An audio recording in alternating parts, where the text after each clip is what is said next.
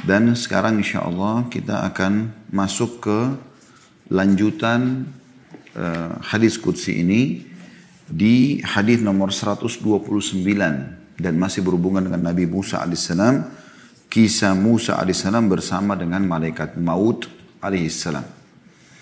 Baik teman-teman sekalian, uh, saya akan langsung masuk untuk kali ini saya tidak mengulangi hadis uh, tentang kisah Nabi Musa AS dengan Khidir karena ini kisah yang masyhur.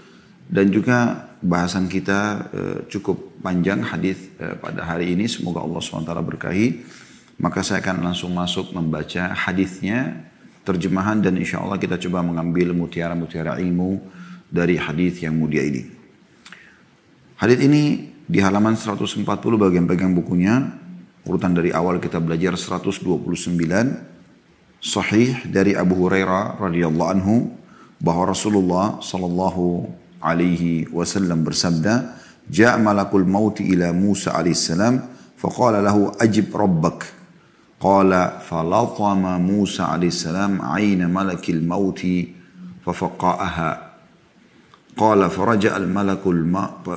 فرجع الملك إلى إلى الله تعالى فقال إنك أرسلتني إلى عبد لك لا يريد الموت. وقد فقع عيني. قال فرد الله إليه عينه وقال ارجع إلى عبدي. فقل الحياة تريد. فإن كنت تريد الحياة فضع يدك على متن ثور. فما توارت يدك من شعره فإنك تعيش بها سنة. قال ثم مه. قال ثم تموت. قال فالآن من قريب.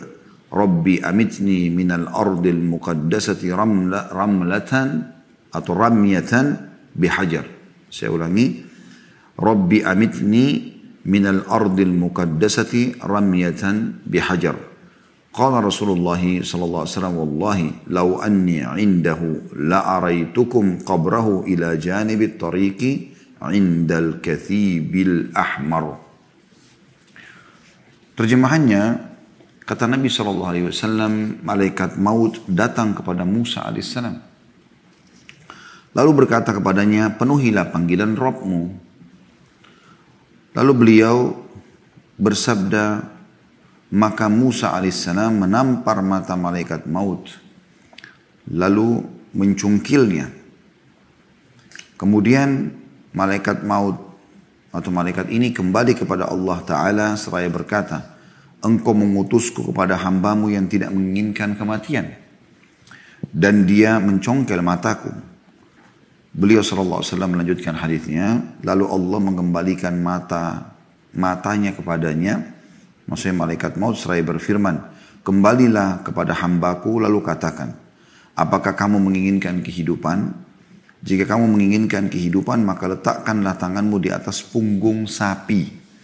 Lalu dari bulunya yang menempel pada tanganmu, maka kamu akan hidup satu tahun dengannya setiap helai bulu tersebut. Musa bertanya alaihissalam, kemudian setelah itu apa? Maka dijawablah, kemudian kamu akan mati. Atau kemudian mati. Musa AS berkata, kalau begitu sekarang saja, wahai Robku, matikanlah aku di tanah yang disucikan, sepanjang lemparan batu. Rasulullah SAW bersabda, demi Allah, sekiranya aku di sisinya, niscaya benar-benar aku perlihatkan kuburnya kepada kalian, berada di samping jalan, di sisi bukit merah. Hadis ini riwayat Bukhari dan Muslim. Baik ini adalah bacaan untuk kita baru baca bahasa Arab hadis dan terjemahnya secara letterlet. Kita tentu seperti biasa teman-teman sekalian akan mengorek hikmah-hikmah uh, daripada hadis ini. Namun sebelumnya saya akan coba masuk ke makna global dulu. Malaikat maut datang kepada Musa alaihissalam. Di sini maksudnya dalam postur manusia dan bukan postur aslinya sebagai malaikat maut. Itu salah satu makna yang perlu difahami karena tadi saya baca secara letterlet ya. Kemudian dia berkata kepada Musa penuhilah panggilan Robmu, maksudnya ruhmu akan saya cabut. Maka Musa pun sempat ya, marah dan menampar bagian mata malaikat maut sehingga matanya tercungkil. Nah, di sini mungkin terjemahan yang lebih tepat bukan mencungkilnya ya, tapi menampar bagian mata sampai matanya keluar ya. Kemudian malaikat itu kembali kepada Allah Ta'ala dan mengatakan, Engkau mengutus kepada hambamu yang tidak menginginkan kematian. Dia telah merusak mataku. Maka Allah pun mengembalikan mata malaikat maut. Kemudian berkata kepadanya, malaikat maut kembalilah kepada hambaku, maksudnya Musa alaihissalam. Dan tanyakan kepadanya, apakah kamu masih mau hidup? Ya, ini kita bukan lagi terjemah detail, tapi makna ya, supaya bisa difahami makna hadith ini. Jika kamu memang masih mau hidup, maka letakkan tanganmu di atas punggung sapi. Berapa lembar rambut yang tersentuh oleh tanganmu itu, begitulah jumlah umur yang bisa kau dapatkan. Hitungannya per satu bulu satu tahun. Tentu ini banyak sekali ya. Karena kalau diletakkan tangan di atas punggung seekor sapi, misalnya telapak tangan orang dewasa, itu sangat banyak bulu yang tersentuh, gitu kan? Allah subhanahu wa ta'ala menawarkan. Kalau dia mau, boleh dia hidup sejumlah bulu itu. Misal, yang tersentuh adalah 100 lembar bulu, berarti dia punya 100 tahun umur ke depan. 1000 lembar berarti 1000 tahun ke depan. 2000 berarti 2000 tahun. Ya. Namun Allah subhanahu wa ta'ala mengilhamkan di hati Musa AS dan Musa bertanya. Musa AS pertama sudah terima itu. Penawaran yang sangat luar biasa. Mau mati tapi dipanjangkan umurnya gitu kan. Dan dia pun diberikan umur yang sangat luar biasa panjangnya gitu. Maka Musa alaihissalam bertanya kembali, setelah itu, setelah saya diberikan umur tambahan nanti, apakah saya juga akan mati? Kata malaikat menjawab dari Allah subhanahu wa ta'ala, iya. Maka dia pun mengatakan, kalau begitu, wahai Tuhanku, dia berdoa kepada Allah subhanahu wa ta'ala, matikanlah aku sekarang. Hanya saja aku minta agar aku dikuburkan di dekat Baitul Maqdis di Palestina. Dekat Baitul Maqdis di Palestina. Masjid Aqsa ya. Lempar, ukuran lemparan batu. Jadi sejauh apa batu bisa dilemparin dari Baitul Maqdis, maka di situlah aku diwafatkan dan minta untuk dikuburkan. Maka Allah subhanahu wa ta'ala pun mengabulkan permintaannya. Lalu kemudian Nabi Muhammad SAW menutup hadis sambil mengatakan, Demi Allah, kalau seandainya saya pas ada di sana, di Baitul Maqdis, saya akan tunjukkan kepada kalian kuburannya Musa. Berada di pinggir jalan, ya, di atas tanah yang berwarna merah.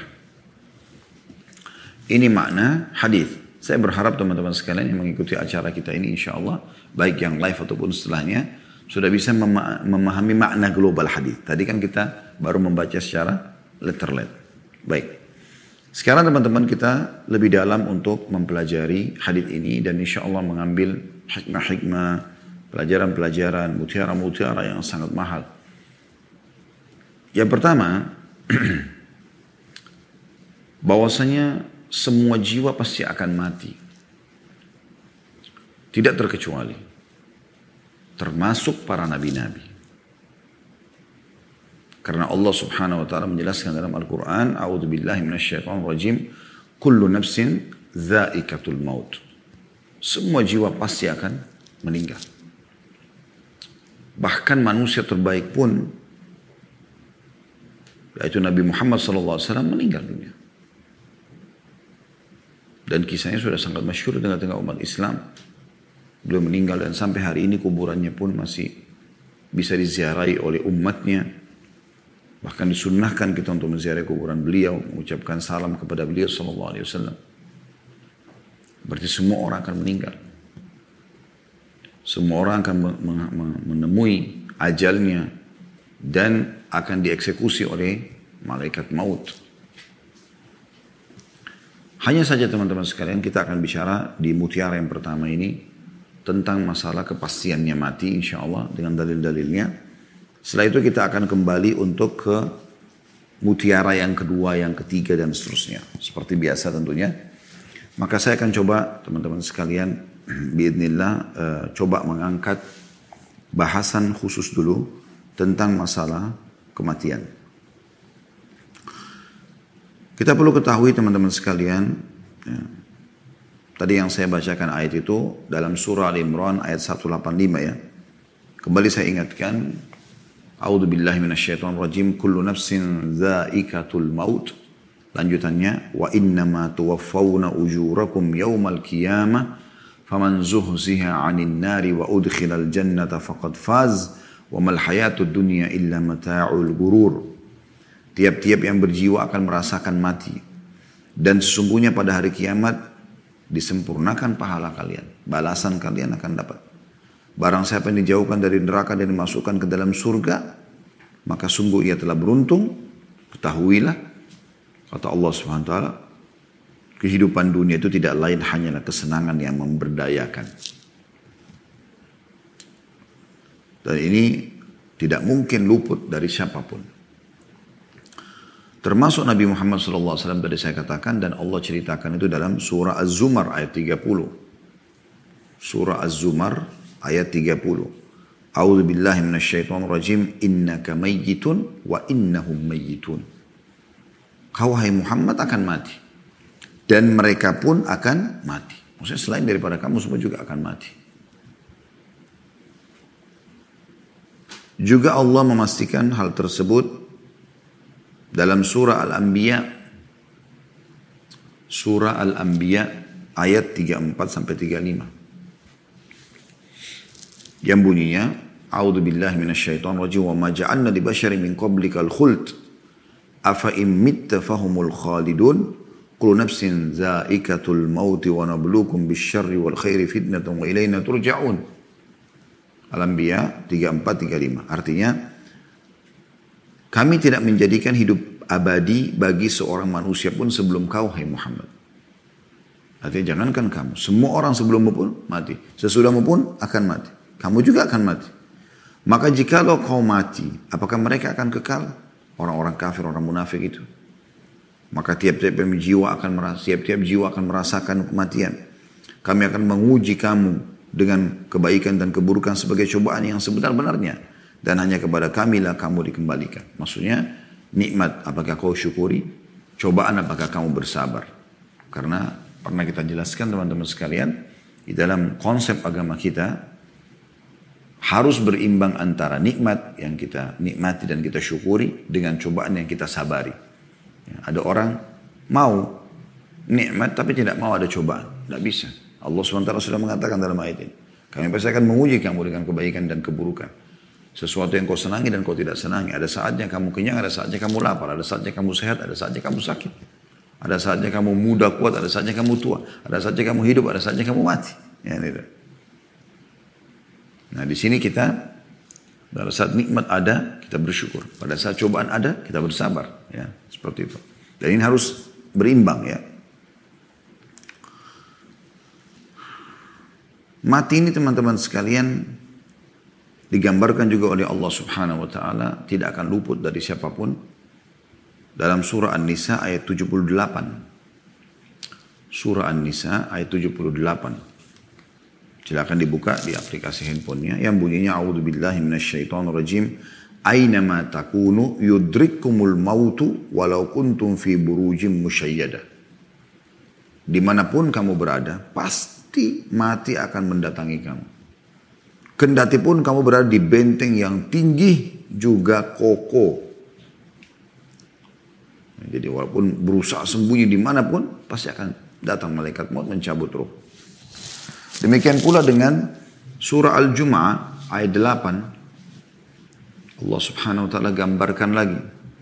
A'udhu billahi minasyaitan rajim. Kul innal mauta alladhi tafirruna minhu fa innahu mulaqikum. ثم تردون إلى عالم الغيب والشهادة فينبئكم بما كنتم تعملون Sesungguhnya kematian yang kamu lari daripadanya pasti akan menemuimu. Kemudian kamu akan dikembalikan kepada Allah yang mengetahui yang gaib dan yang nyata. Lalu dia beritakan kepadamu apa yang telah kamu kerjakan. Ayat lagi, jelaskan. Pasti akan mati. Dan saat itulah mulai ada hisab. Mulai kita lihat apa pun teman-teman yang kita kerjakan di muka bumi ini dari kebaikan sekecil apa pun kita akan temukan itu. Wa may ya'mal mithqala dzarratin khairan yara. Siapa yang buat seperti biji sawi dari kebaikan, senyum dengan muslim, sedekah dengan sepotong roti, apalah ya kita akan lihat, akan kita temukan hasilnya. Oleh karena itu kalau anda beribadah teman-teman sekalian, ini nasihat buat diri saya dulu kemudian teman-teman sekalian ingat ibadah itu bukan Allah yang butuh, tapi kita yang butuh terhadap ibadah tersebut. Kita yang akan merasakan nanti balasannya. Kalau orang beribadah dengan maksud bahwasanya Allah butuh, dia seperti store kewajiban.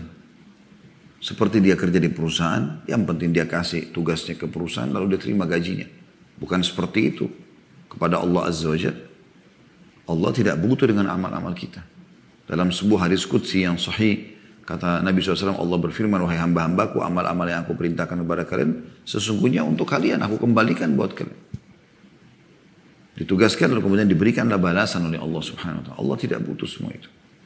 Nah, kalau kita mengubah persepsi kita teman-teman sekalian, ternyata ibadah yang kita kerjakan kita yang membutuhkannya, maka kita akan lebih khusyuk dalam sholat.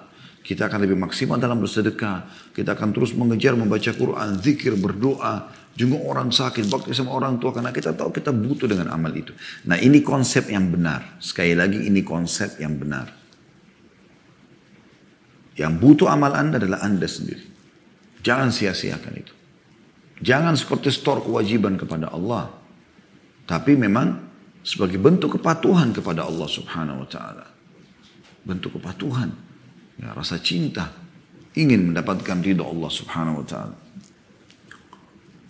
Jadi harus difahami baik-baik tentang masalah ini. Kita akan terima semua itu ya, dan Allah SWT akan beritahu. Begitu juga dengan amal buruk sekecil apa pun dari dosa yang kita lakukan, Allah SWT mengatakan, "Wa may ya'mal mithqala dzarratin syarran yara." Siapa yang berbuat seperti biji sawi dari keburukan, dia pasti juga akan melihatnya. Ya. Ayat yang lain tentang masalah kematian surah Qaf ayat 19.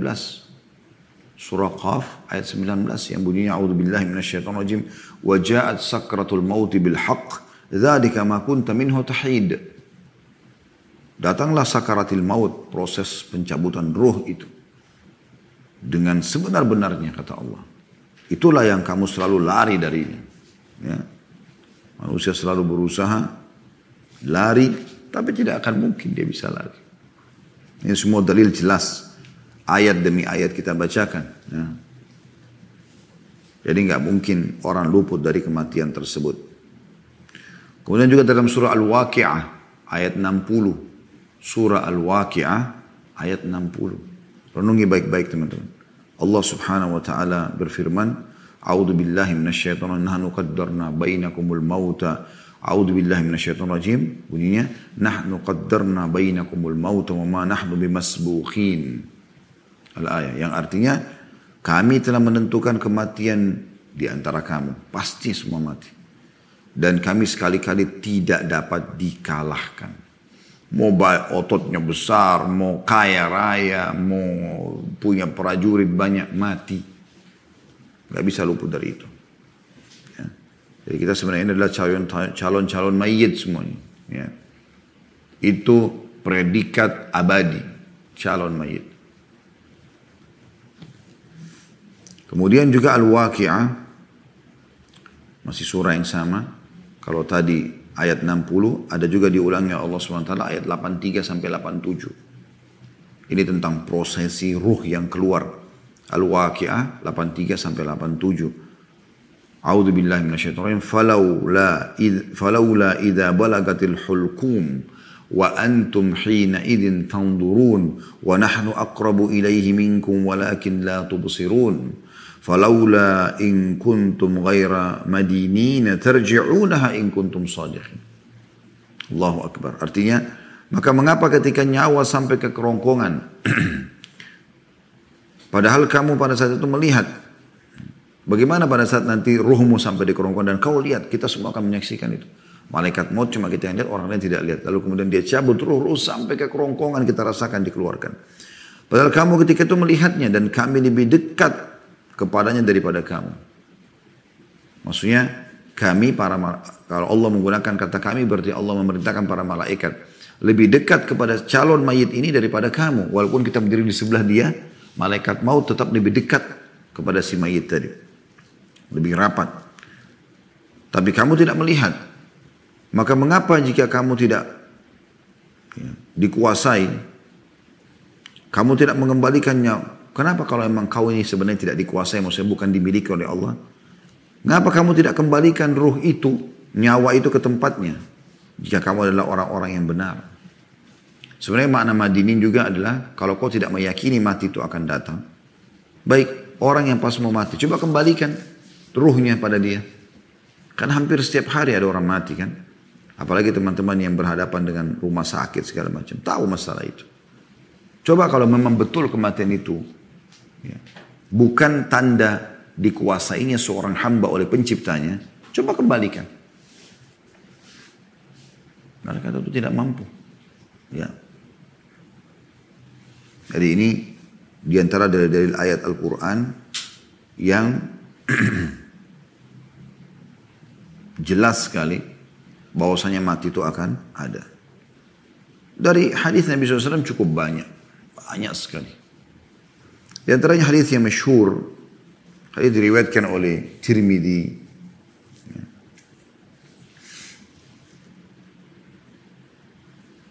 Dan ini disahihkan oleh Syekh Albani atau dihasankan lebih tepatnya yaitu hadis dari Abu Hurairah radhiyallahu bahwasanya Rasulullah SAW bersabda a'maru ummati ma baina sittina ila sab'in wa aqalluhum man yajuzu dhalik umur umatku kata Nabi SAW pasti kalaupun lewat sedikit sekali antara 60 sampai 70 ini yang umumnya ada yang meninggal sebelumnya ada yang meninggal sebelumnya tapi ini yang umum itu terjadi dan sangat sedikit di antara mereka yang melewati itu. Nah, Ibnu Majah sebutkan ini di nomor 4236.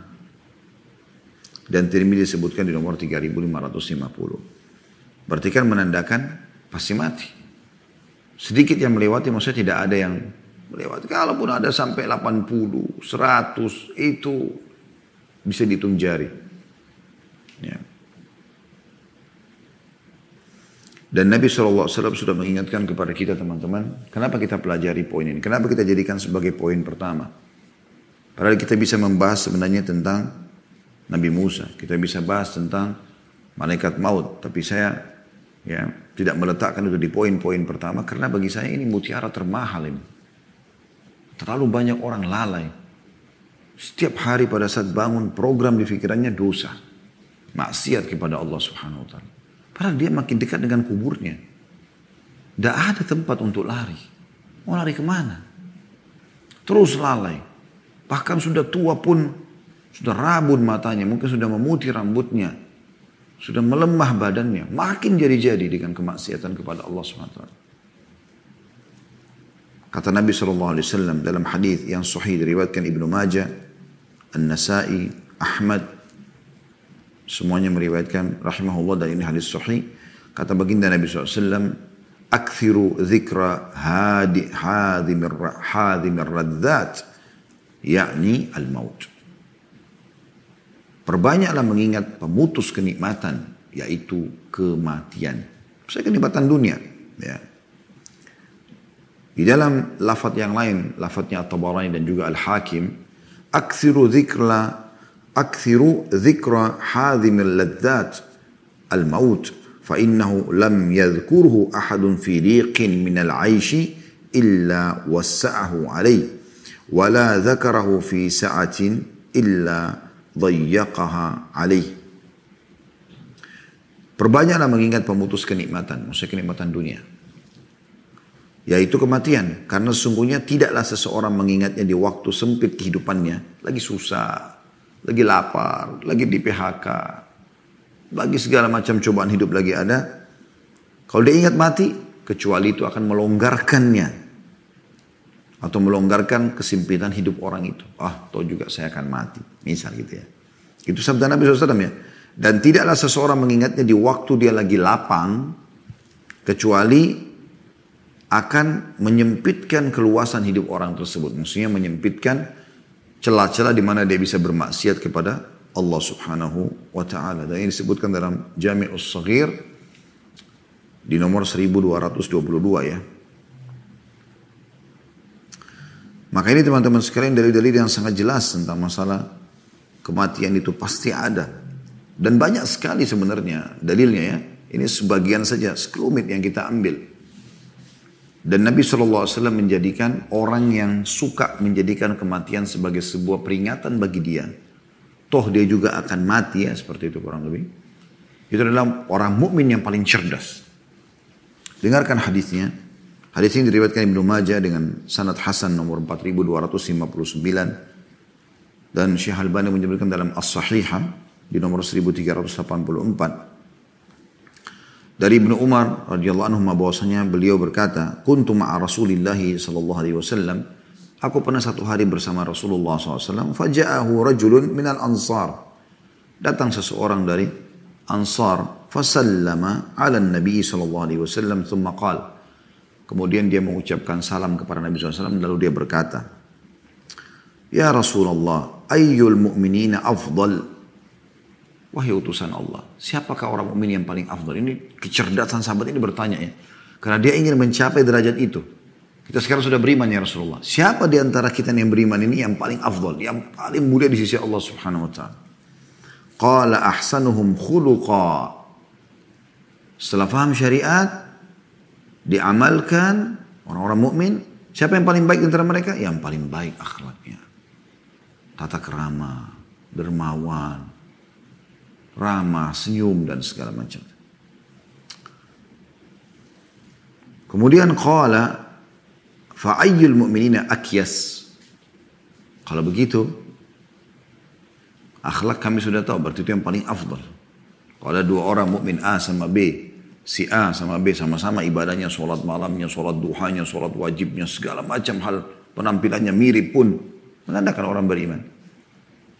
Siapa di antara yang paling afdal? Yang paling baik akhlaknya. Yang paling ramah, yang paling dermawan, yang paling suka senyum, dan seterusnya. Lalu orang ini dengan cerdasnya bertanya, radhiyallahu anhu, walaupun tidak disebutkan namanya, cuma dari seorang ansar. Dia mengatakan, siapa orang mukmin yang paling cerdas? Ini luar biasa menandakan kecerdasan sahabat ini.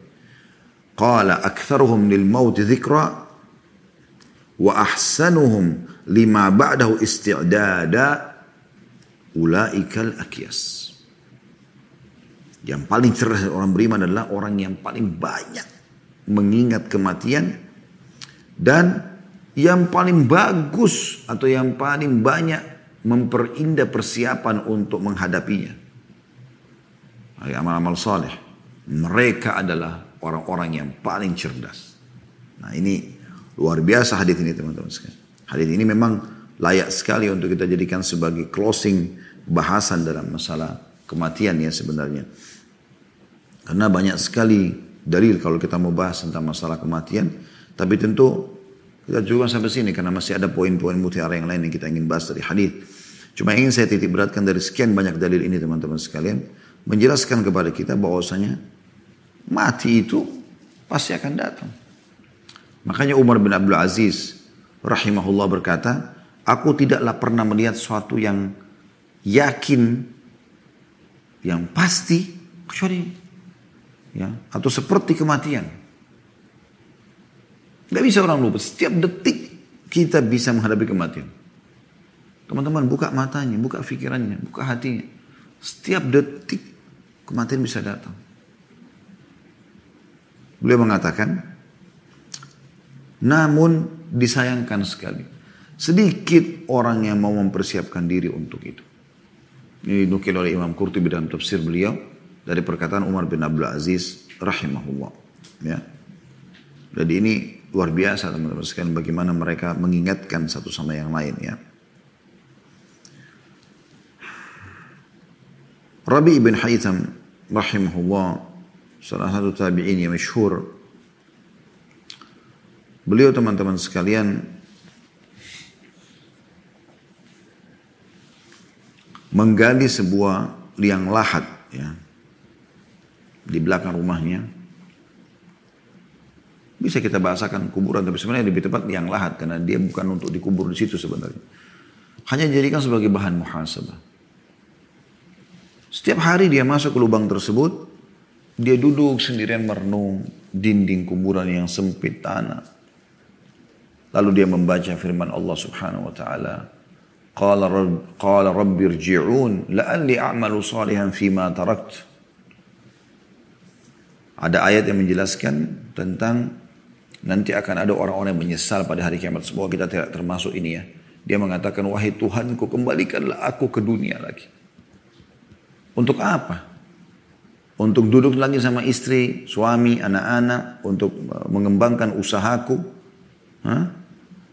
untuk membangun instansi yang aku sudah programkan, untuk uh, masuk ke ajang politik bersaing lagi, supaya aku bisa jadi presiden, jadi menteri, jadi bukan. La'alli a'malu salihan fima tarakt. Semoga pada saat kau kembalikan aku ya Tuhanku, aku bisa mengerjakan amal soleh yang dulu aku kerja, tinggalkan. Yang dia nyesali nanti, yang kita sesali, naudzubillah teman-teman pada saat meninggal itu, kok dulu sholat duha aku itu ada yang luput ya, kok dulu aku tidak sempat sholat di masjidnya, kok itu ada orang miskin tidak sempat aku sedekah, kok orang tua aku nggak sempat aku bakti, kok teman-temanku yang sakit aku tidak jenguk, kok kenapa majelis ilmu yang itu aku tidak hadiri. Itu yang orang sesali pada saat mati. Berharap kembali ke dunia, sujud sekali lalu mati. Saking butuhnya dengan amal soleh. Beruntung, beruntung sekali teman-teman sekalian. Orang-orang yang betul-betul mengisi waktunya dengan baik. Mengisi waktunya dengan baik.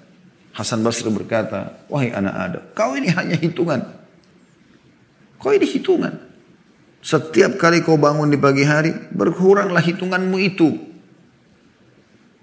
Jangan ikuti orang non muslim sibuk ulang tahun. Wow, makin jadi-jadi. Makin jadi-jadi. Makin di ulang tahun mabuk-mabukan, makin berzina, makin naudzubillah min Selain memang ulang tahunnya tidak ada dalam Islam. Ada ulang tahun dalam Islam, tradisi mereka. Tiup lilin, makan kue, pesta-pesta. Akhi dan ukhti bertambah satu hari saja, syukuri kepada Allah Subhanahu wa taala. Dan bergegas kalau punya dosa taubat.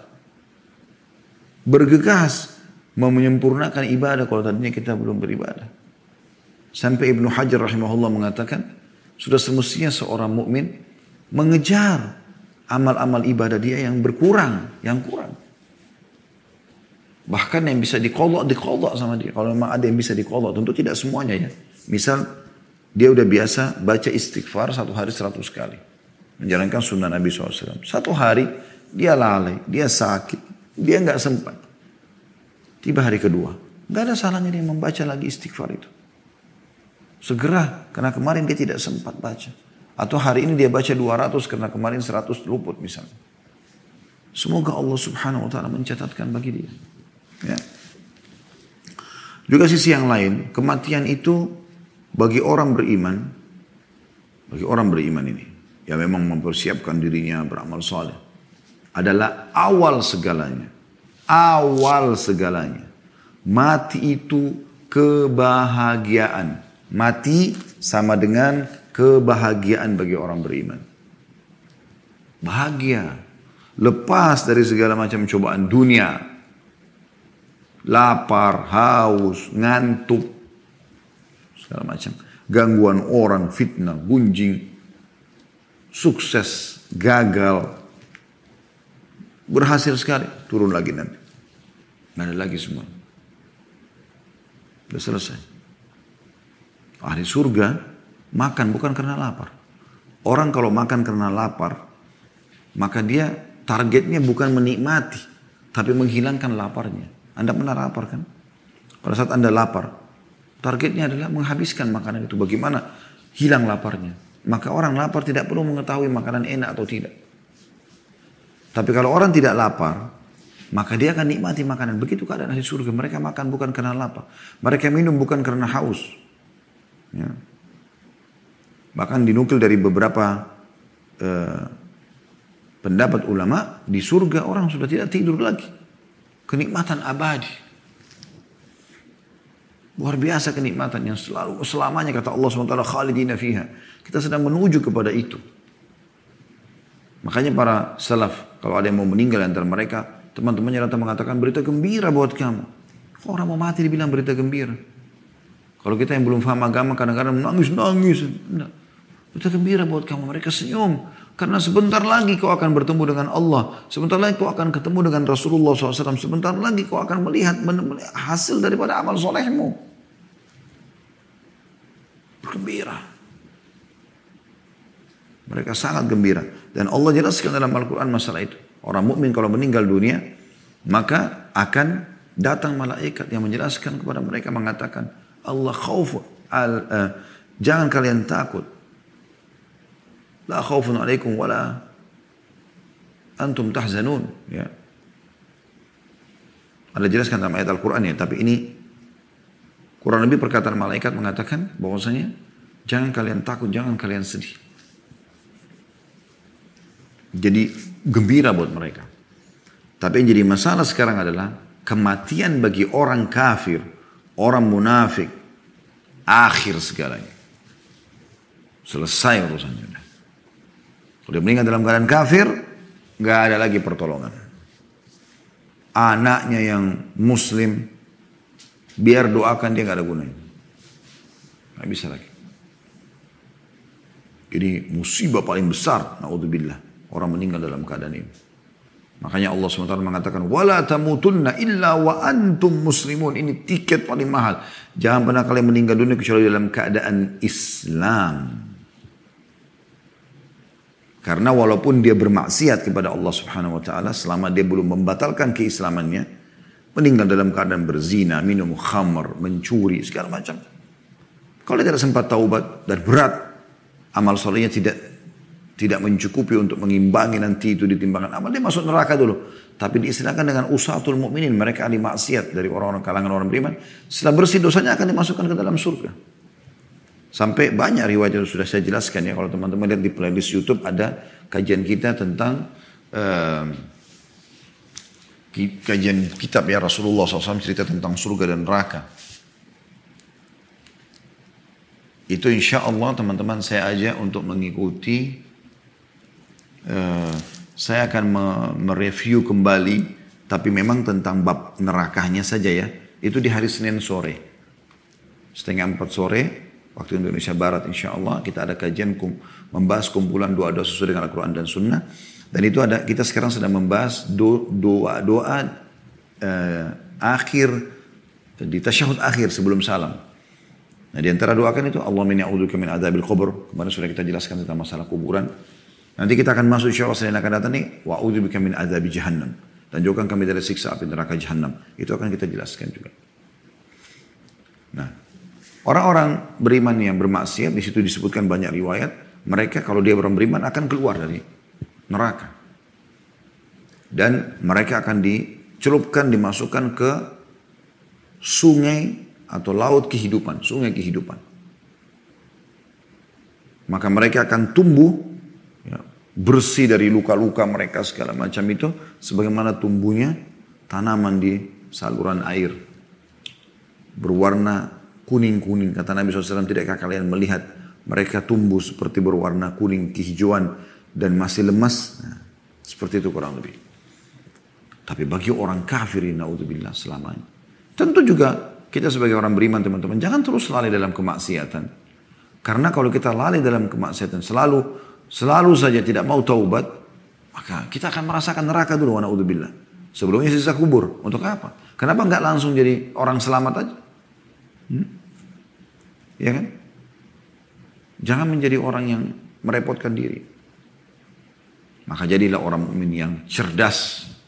Setiap hari dia akan mengisi hari-hari detik-detik hidupnya semua persiapan amal yang akan dia lakukan dan ingat sekali lagi ingat saudaraku seiman amal yang anda lakukan untuk anda Allah tidak butuh sehingga maksimalkan ini mutiara pertama dari hadis yang kita ambil mutiara yang kedua sebenarnya sudah saya singgung pada pertemuan yang sebelumnya tentang masalah Musa alaihissalam Musa alaihissalam termasuk nabi dari ulul azm.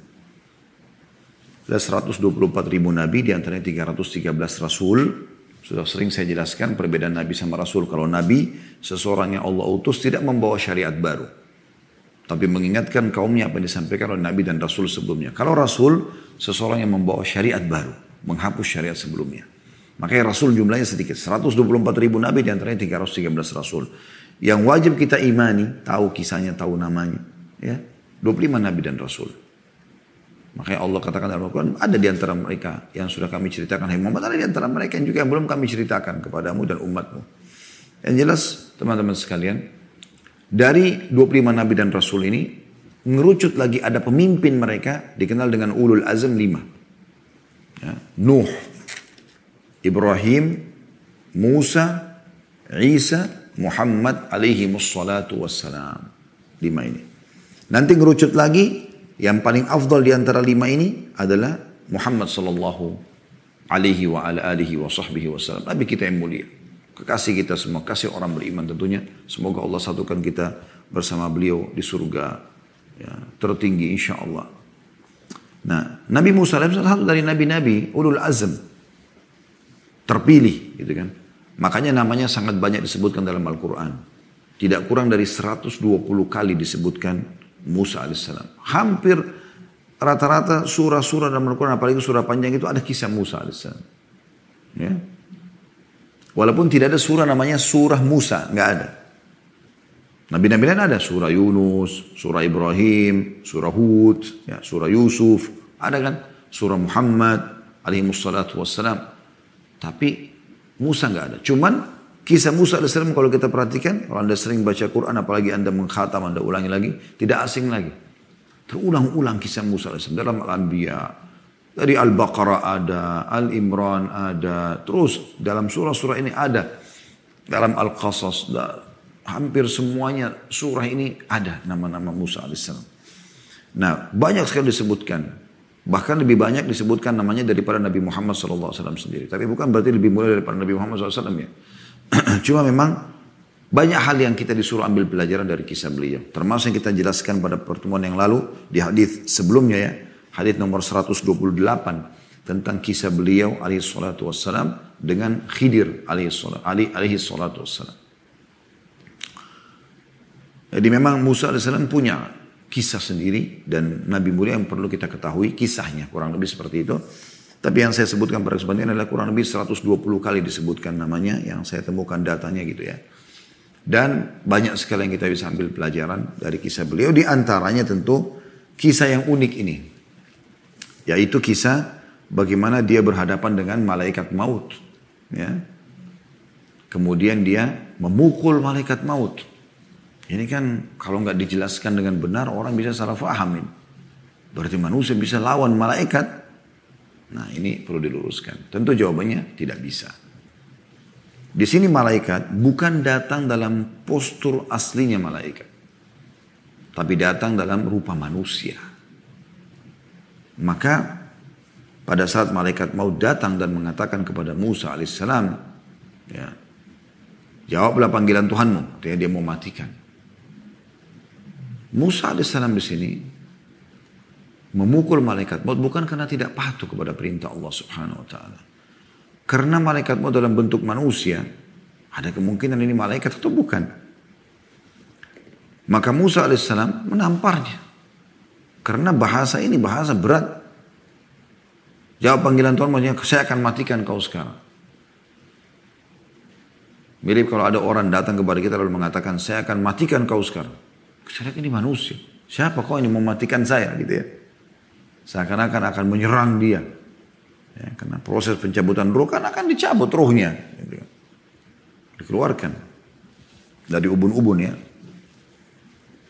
Nah, Di sini teman-teman sekalian, yang perlu kita faham, fahami adalah bukan berarti Musa alaihissalam membangkang terhadap perintah Allah. Bukan juga malaikat maut tidak bisa melawan. Jangan itu yang difahami, jangan itu yang dibahas. Yang kita sedang bahas adalah bagaimana mukjizat Nabi Muhammad SAW dalam menyampaikan apa yang terjadi tentang Musa alaihissalam di akhir hidupnya. Mukjizatnya di sini. Karena kalau bukan mukjizat Nabi Muhammad SAW tidak sampai kepada kita informasi ini. Sebagaimana juga kisah beliau sama Khidir alaihissalam. Itu satu sisi. Sisi yang lain, di sini Musa alaihissalam manusia biasa. Datang manusia kepada dia lalu tiba-tiba mengatakan, kau akan saya matikan. Maka yang terjadi dia melawan gitu kan. Andai saja Musa alaihissalam sudah tahu dari awal ini adalah malaikat maut, tentu dia tidak akan melawan. Karena sudah tahu seorang nabi. Kita saja orang-orang beriman bukan di kalangan nabi tahu kalau malaikat mau datang nggak mungkin kita melawan gitu kan. Seperti itu.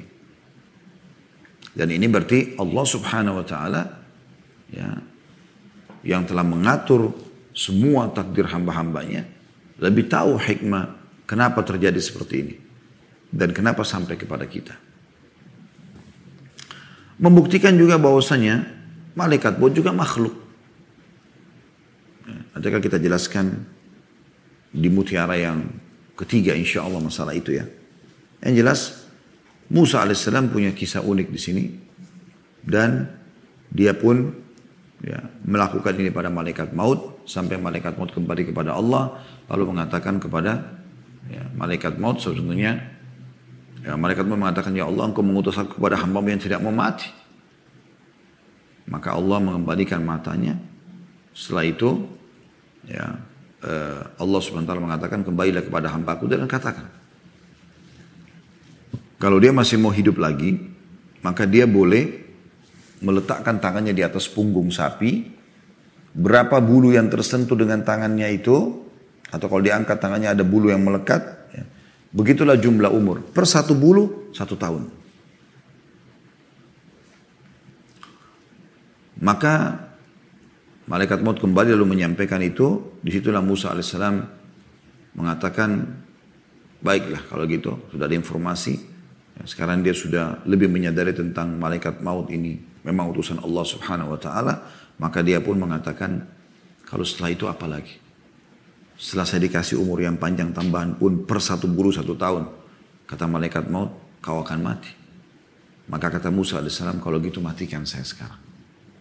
Kemudian dia minta kepada Allah SWT agar dimatikan jarak lemparan batu dari Baitul Maqdis atau Masjid Aqsa Lalu Nabi SAW memastikan di penutupan hadis mengatakan demi Allah kalau saya lagi ada di Baitul Maqdis saya tunjukkan kalian di mana kuburannya. Lalu Nabi SAW sebutkan cirinya. Apa cirinya? Cirinya adalah dia ada di pinggir jalan di atas gundukan tanah berwarna merah kan gitu dikatakan ya. Demi Allah kata Nabi SAW di akhir hadis sekiranya aku di sisinya di sana Baitul Maqdis ini saya benar-benar aku perlihatkan kuburnya Musa kepada kalian berada di samping jalan di sisi bukit merah. Nah, bukan tumbukan tanah, di sisi Bukit Merah. Ya. Juga saya ingin tambahkan di sini teman-teman, mungkin yang pernah ke Palestina ya. Kami pun di Uhud Tour, di travel kami, bolak-balik Alhamdulillah kita berangkat ke sana. Dan ada tulisan buku saya sudah terbit, Palestina yang terlupakan. Setelah saya bolak-balik balik ke sana, sekitar Alhamdulillah 3-4 kali. Saya melihat kok umat Islam banyak yang belum ke sana ya. Karena sebenarnya ke sana itu termasuk bagian salah satu masjid yang kita dianjurkan untuk mendatangi Baitul Maqdis ya. Nah di sini teman-teman sekalian eh, ada sering tour city dilakukan dan itu saya lihat hampir semua travel yang dari Indonesia pun dari Malaysia yang masuk ke Palestina mengambil paket itu. Mereka sering mendatangi makam-makam. Ya. Makam Nabi Yunus uh, di satu wilayah ya. Sehingga saya namanya Haihul ya atau lupa saya nama kotanya itu. Terus kemudian eh, makam Nabi Musa ya. Subhanallah waktu awal saya masuk Palestina dulu, saya bimbing jemaah, saya ikutin itu, semua satu paket. Namun tujuannya bukan untuk mendatangi makam-makam ini. Tapi saya ingin tahu dan saya tanya. Saya tanya penjaganya, orang Palestina, karena ngerti bahasa Arab. Alhamdulillah saya tanya dia. Sebenarnya saya mau tanya. Ini makam maksudnya prasasti atau kubur. Kuburan. Pernyataan mereka sendiri teman-teman perhatikan baik-baik. Para penjaga makam itu mengatakan ini adalah prasasti. Nggak ada kuburan di bawah itu, nggak ada. Nah ini penting untuk digarisbawahi teman-teman sekalian. Jadi kalau satu waktu anda ke Palestina, gak usah repot-repotkan diri untuk ke sana. Karena yang mereka namakan makam Nabi Musa, terus dibuatkanlah kayak kuburan begitu besar, ada masjidnya, jauh sekali dari Baitul Maqdis. Jauh sekali. Kalau seingat saya, kalau saya tidak salah antara 20, 20 sampai 25 menit perjalanan dari Baitul Maqdis ke makamnya Nabi Musa. Yang mereka selalu datangi. Perhatikan apa hadis di sini berbunyi kuburan Nabi Musa alaihissalam berada jarak lemparan batu dari Baitul Maqdis. Ya. Lemparan batu itu sejauh apa sih? Gitu 10 meter, 20 meter, anggap 100 meter misalnya. Sudah jauh sekali 100 meter kalau ada orang bisa melempar sampai 100 meter batu. Yang Anda percaya apa yang orang-orang buat dari khurafat seperti yang tersebar sekarang atau hadis Nabi SAW. Tentu harusnya kita percaya hadis Nabi SAW. Nabi SAW memastikan di sini. Sesuai dengan permintaan Musa AS. Minta agar dimatikan, dikubur jarak lemparan batu dari Baitul Maqdis. Nabi SAW disebutkan. Di pinggir jalan, di dekat Baitul Maqdis, di gunung atau bukit berwarna merah. Gitu. Dan perlu Anda ketahui ya, kita dalam Islam tidak dikhususkan atau tidak ada dalam perintah agama kita khusus mendatangi makam-makam nabi-nabi ini. Karena orang buat banyak sekali. Ya. Di Jordan juga ada. Mereka buat segala macam makam. Ya. Padahal sebenarnya belum ada kepastian semua itu. Karena makamnya Nabi Shu'aib. Sekian panjang gitu. Bahkan di lokasi Baitul Maqdis sendiri yang kurang lebih 14 ribu. Ya, seingat saya sekitar 14 ribu meter ya. 1,4 hektar ya luasnya kalau saya tidak salah. Luas itu kurang lebih. Itu ada satu e, bangunan tua sekarang jadi seperti sekolah gitu kan. Kebetulan di situ dijadikan sekolahnya Syekh Yusuf. Syekh Yusuf ini imam. Saya kenal beliau karena setelah saya tahu ternyata beliau angkatan Universitas Islam Madinah juga tapi beliau senior kami tentunya. Kemudian eh, kami bawa jemaah biasanya beliau ceramah sampaikan nasihat Ternyata di madrasah beliau itu di dalam lokasi masjid itu, ya, tentu di dalam lokasi yang sekitar 14.000 meter. Kalau misalnya kita uh, gambarkan meja ini, uh, di paling depan ada namanya Masjid Kibli, ya, ya itu yang paling depan. Kemudian anda biasa lihat yang kubahnya emas, kubat sakhra itu semua masih dalam lokasi area masjid ya. Di mana pun kita sholat kita dapat keutamaan tentunya. Dan Anda bisa kembali ke buku kami, Palestina yang terlupakan, cukup banyak keutamaan negeri Syam, Palestina, Baitul Maqdis sudah kami sebutkan semuanya. Tapi jelas hadis-hadis mulia banyak sekali di antaranya yang Nabi Sulaiman AS memohon kepada Allah Subhanahu wa taala agar siapa pun yang datang ke Baitul Maqdis sholat ya setelah beliau renovasi ya uh, maka diampuni dosanya seperti baru dilahirkan oleh ibunya dan Allah Subhanahu wa taala kabulkan itu sebagaimana dijelaskan oleh Nabi SAW. yang jelas teman-teman sekalian di situ ada makam Nabi Sulaiman. Panjang sekali, mungkin 10 meter lebih. Ya. Ditutup sama gorden. Lalu Syekh Yusuf sendiri mengatakan, ini ya Khalid makam. Bukan kuburan Nabi Sulaiman AS. Tapi mereka yakini begitu. Maka sampai sekarang tentunya karena beliau yang pegang dan semoga insya Allah selamanya tidak dihususkan ziarah ke situ. Tapi beliau perlihatkan ini panjang sekali dari ujung tembok ke ujung tembok. Maka ini harus hati-hati diperhatikan. Ini tambahan informasi karena saya lihat banyak jemaah kita juga yang berangkat ke sana ya. Baik, ini yang berhubungan dengan Musa alaihissalam dan akhirnya beliau juga meninggal dunia serta tidak tidak dinukil riwayat bahwasanya Nabi SAW mengatakan datanglah ke kuburannya Shu'aib ada di sini, Daud ada di sini, gitu kan? Di Palestina banyak sekali tuh, termasuk Daud alaihissalam. Saya pernah datang ke sana. Orang Yahudi pada menangis-menangis sana meyakini itu adalah makamnya Nabi Daud alaihissalam. Tapi itu semua tidak ada kepastiannya. Dan saya pernah mendapatkan informasi dari sebagian uh, guru kami mereka mengatakan bisa dipastikan kalau Allah Subhanahu wa taala memang menjaga Satu-satunya kuburan Nabi yang pasti adalah kuburan Nabi Muhammad SAW. Untuk menjelaskan kepada umat manusia, inilah Nabi yang kalian ikuti di zaman akhir zaman ini. Ya, setelah beliau diutus tentunya Sallallahu Alaihi. Mutiara yang ketiga yang kita bisa ambil teman-teman sekalian tentang malaikat maut. Nah, ada hal yang perlu kita perbaikin di sini. Sering kali mungkin Anda dengar ada perkataan mengatakan malaikat maut bernama Israel, ya, Israel. Maka coba kita telusuri di sini teman-teman sekalian. Sumber tentang malaikat maut bernama Israel itu adalah berita dari Israiliyat. Bukan dari syariat Nabi Muhammad SAW. Israel maksudnya informasi dari ahli kitab sebelum kita. Jadi belum pernah ada hadis atau ayat Al-Quran yang menjelaskan kalau Jibril, Mikail, Israfil, ya itu disebutkan namanya. Tapi Israel nggak disebutkan namanya. Makanya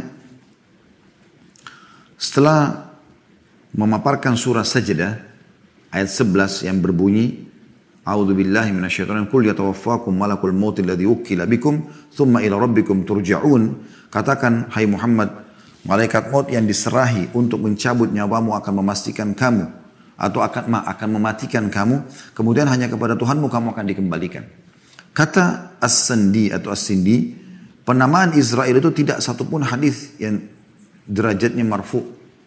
Enggak ada yang bisa dipegangi.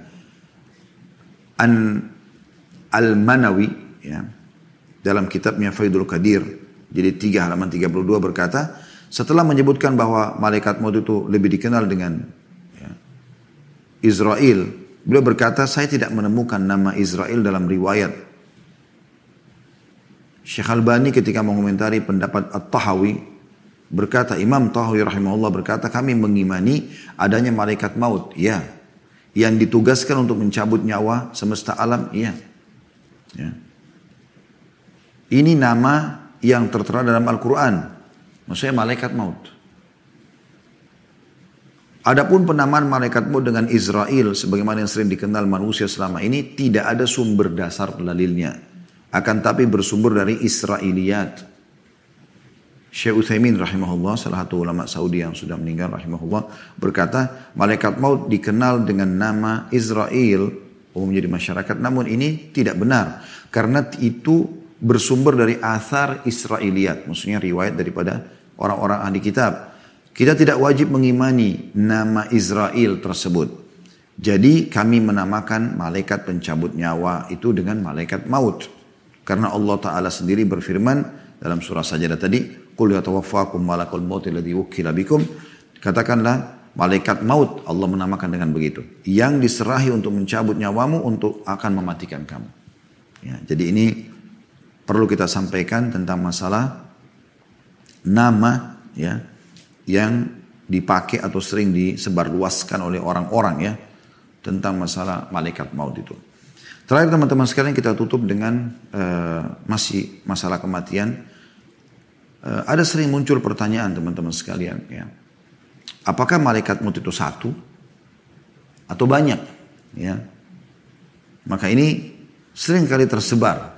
Dan bagaimana kalau seandainya ada orang atau terjadi kasus mati massal seperti terjadi uh, tsunami, terjadi banjir, longsor dan segala macam atau peperangan kena bom, hancur. Apakah bagaimana prosesnya ini? Ya, seperti itulah. Sering kali muncul pertanyaan seperti itu. Maka perlu kita berikan rincian di sini teman-teman sekalian. Secara zahir, ayat-ayat Al-Quran yang menyebutkan tentang malaikat maut itu banyak. Ya. Ayat pertama misalnya dalam surah Al-An'am ayat 61. A'udhu billahi ini Al-An'am Surah nomor 6 ayat 61 ya. Yang bunyinya hatta idza jaa ahadakumul maut tawaffathu rusuluna wa hum la yufarritun. Perhatikan kalimat rusuluna. Sehingga apabila datang kematian kepada salah seorang di antara kamu, ia diwafatkan oleh malaikat-malaikat kami. Allah menggunakan jamak di sini ya. Yang tidak melalaikan kewajiban mereka. Secara zahir berarti pencabut nyawa banyak utusan Allah subhanahu wa ta'ala ya. Nah Allah menggunakan rusul. Begitu juga dengan Allah sebutkan dalam surah An-Nahl ayat 28. A'udzu billahi minasyaitonir rajim alladzina tatawaffahumul malaikah. Orang-orang yang diwafatkan oleh malaika. Malaika jamak daripada malak. Jadi mati wafatkan oleh para malaikat-malaikat. Ya, jadi ini jamaknya, gitu kan. Jadi ini secara zahir Al-Quran gitu. Para ulama telah menelah masalah ini cukup dalam. Kesimpulan terbaiknya adalah pada dasarnya malaikat maut itu yang memang memegang ya tugas utama adalah satu. Tetapi ia memiliki pembantu-pembantu yang membantu dia untuk melakukan hal tersebut ya. Itu sangat masyhur hadis Nabi SAW sesungguhnya hamba mukmin dalam hadis Bukhari Muslim kalau ia berpisah dengan dunia ini. Innal abda al-mu'min idza kana fi inqita' min ad-dunya. Saya langsung terjemahkan saja karena waktu ya. Uh, sungguhnya orang mukmin kalau akan berpisah dengan dunia ini dan menuju ke akhirat, maka turunlah kepadanya para malaikat dari langit yang memiliki wajah yang putih ya, seperti terangnya matahari. Mereka membawa kain kafan dari kafan-kafan surga, gitu kan. Sampai duduk ya, yang dapat dijangkau dengan pandangan mata. Kemudian datanglah malaikat maut alaihissalam duduk di bagian kepalanya. Kemudian mencabut rohnya. Dan ini hadis sahih riwayatkan Ahmad nomor 18063 ya. Kemudian juga Ibnu Abbas berkata radhiyallahu anhuma Limalakil mauti a'wanun minal malaika yakhrujuna yukhrijuna ar-ruhu minal jasadi fayakbiduha malakal maut idan tahak ilal hulkum. Malaikat maut memiliki peran ya, atau memiliki pendukung-pendukung dari kalangan malaikat atau mereka para malaikat tersebut mengeluarkan ruh dari jasad. Hingga saat ruh itu sudah mencapai kerongkongan maka malaikat maut mencabutnya. Jadi ada yang membantu dia. Tafsir Ibnu Katsir jadi 3 halaman 239. Ya. Jadi tidak heran kalaupun ribuan orang yang mati dalam waktu yang bersamaan maka tetap mudah bagi malaikat maut ya. Tetap mudah bagi malaikat maut karena banyak yang membantunya untuk mengeluarkan roh tersebut ya dan pada saat sudah sampai di kerongkongan atau di mana baru dialah yang mengeksekusi itu ya. Ada sebuah statement yang menarik dari Imam Mujahid rahimahullah salah satu tabi'in yang masyhur anna dunya baina yaday malakil malakal mauti ya, qad tasti baina yaday insani ya'khudhu min haitsu sya' Sesungguhnya dunia ini di hadapan malaikat maut tidak ubahnya bagikan sebuah piring yang posisinya berada di hadapan seorang manusia. Ia bisa mencomotnya sesukanya.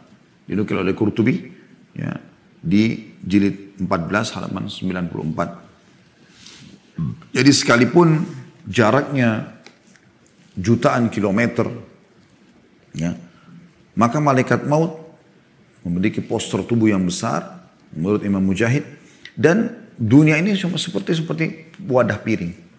Kita kalau sebarin nasi ya di piring kita walaupun banyak penuh, kan kita bisa comot yang mana saja kita mau. Ya. Itu gambarannya gitu. Jadi malaikat maut ya tidak ada masalah dengan itu semua. Dan ini sebenarnya tidak perlu terlalu uh, kita rincikan sebenarnya. Uh, maksudnya kita terlalu fikirkan itu yang penting bagaimana kita mempersiapkan masalah kematian ya. Cuman ini kan ada bahasan para ulama.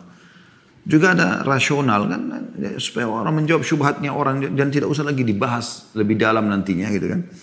Kalau seandainya eh, PLN misalnya di Indonesia mau padamkan api eh, mama, lampu. Apakah dia harus datangi setiap rumah orang untuk dipadamkan? Saya tidak, nggak perlu. Ada sentralnya selesai kan gitu. Kurang lebih seperti itu. Jadi ini jawaban tentang masalah malaikat maut ya. Jadi ada yang membantunya hanya saja eh, teman-teman sekalian yang nanti eksekusi terakhir adalah malaikat maut dan Allah swt berikan beliau alaihissalatu wassalam ya uh, apa namanya kemampuan untuk bisa mencabut ya. Dan tentu kita semua juga akan menyaksikan itu. Tinggal tunggu waktunya dan semoga Allah tutup kita dengan husnul khatimah. Alhamdulillah. Ini bahasan kita